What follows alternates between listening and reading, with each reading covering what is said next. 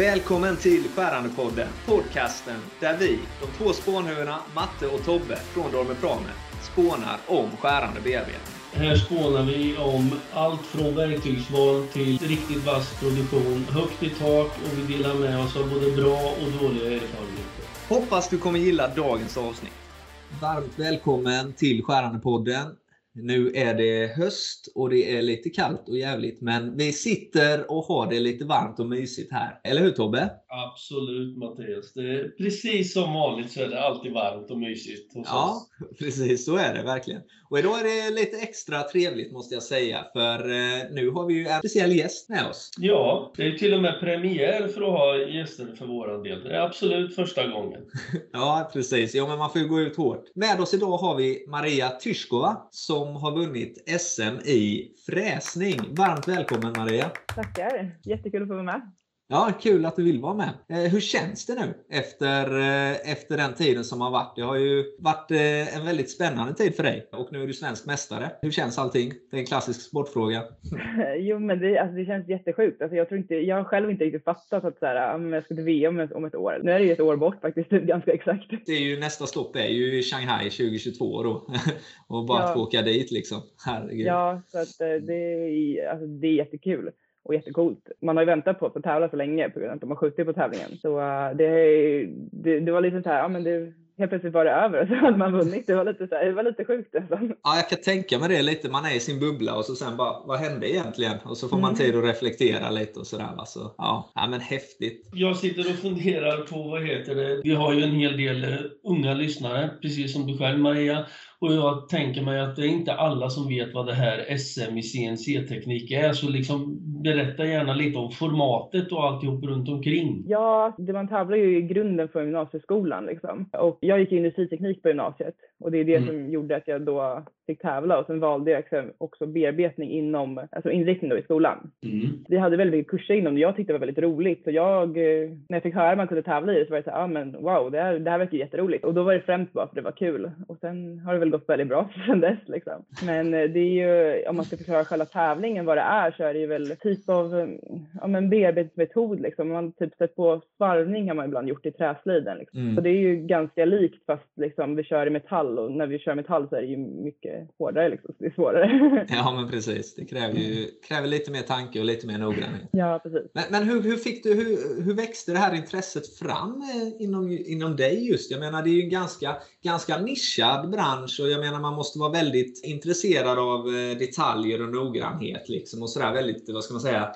uppstyrd i sitt arbetssätt liksom. Det tar ju, det tar, det lägg, man måste ju lägga verkligen grunden och ha tålamod innan man får skörda frukten av det liksom. Lite så känner jag. Men du, du har alltid varit lite så, eh, noggrann person om man säger eller? Alltså, ja, jag är ganska noggrann om mig liksom, i helhet, men sen alltså, varför jag hamnade just inom CNC vet jag faktiskt inte från grunden. Liksom. Alltså, jag valde ju det gymnasiet och jag tror det har påverkat liksom, hela mitt eh, liv framåt egentligen. Alltså, hela min framtid. Så att jag tror inte att när jag gick ut nian där trodde att jag skulle sitta här som uh, ungdomsmästare och SM-mästare och ska åka på VM. Liksom. Det, det trodde jag inte Nej, eller hur? fyra år sedan liksom, när jag började. Så det var ju liksom, jag hade ju inte alls riktigt planen 100% att börja industriteknik som jag gjorde heller. Nej. Eh, Men nu i efterhand är jag jättenöjd att jag gjort det. För jag har ju verkligen hittat något jag tycker är jätteroligt. Ja, men precis. När du valde det, det är inte många andra tjejer som, har, som du pluggar med? Eller? Nej, alltså vi var ju?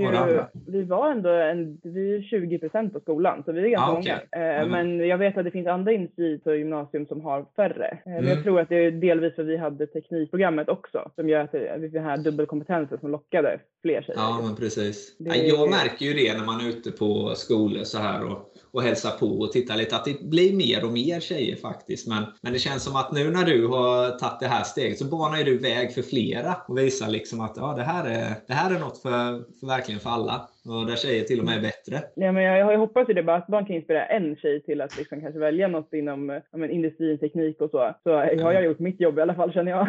Ja, verkligen. Men det där är ju faktiskt ganska viktigt. Jag vet Mattias brukar alltid påtala att jag är hemskt gammal. Men när jag började skolan Du gör det ju gan- själv också. Ja, ja, för ganska många år sedan så var det ju, det var ju väldigt ovanligt med tjejer och folk har en uppfattning om hur verkstadsindustrin ser ut. Och idag är det ju totalt annorlunda annorlunda. Det är ju, alltså det är ju jätterent och fint i miljön och det är egentligen bara datateknik överallt med CAD-CAM och med liksom CNC-maskiner och, och den biten. Så såg det inte riktigt ut när jag började. Det fanns kvar av det gamla med manuella maskiner och den här biten. Ja, men industrin blir ju liksom mer och mer ja, datastyrd och liksom människan gör ju mindre och mindre, liksom, om man säger så, maskinellt. Precis.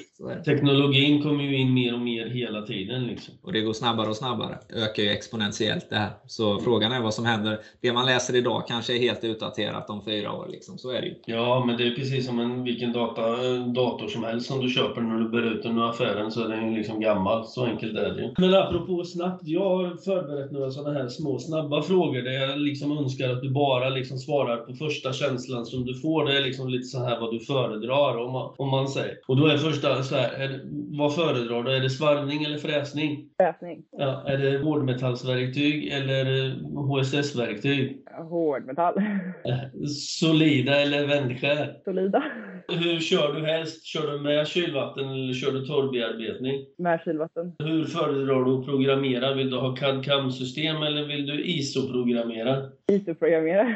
Det är faktiskt lite ovanligt med just att man vill.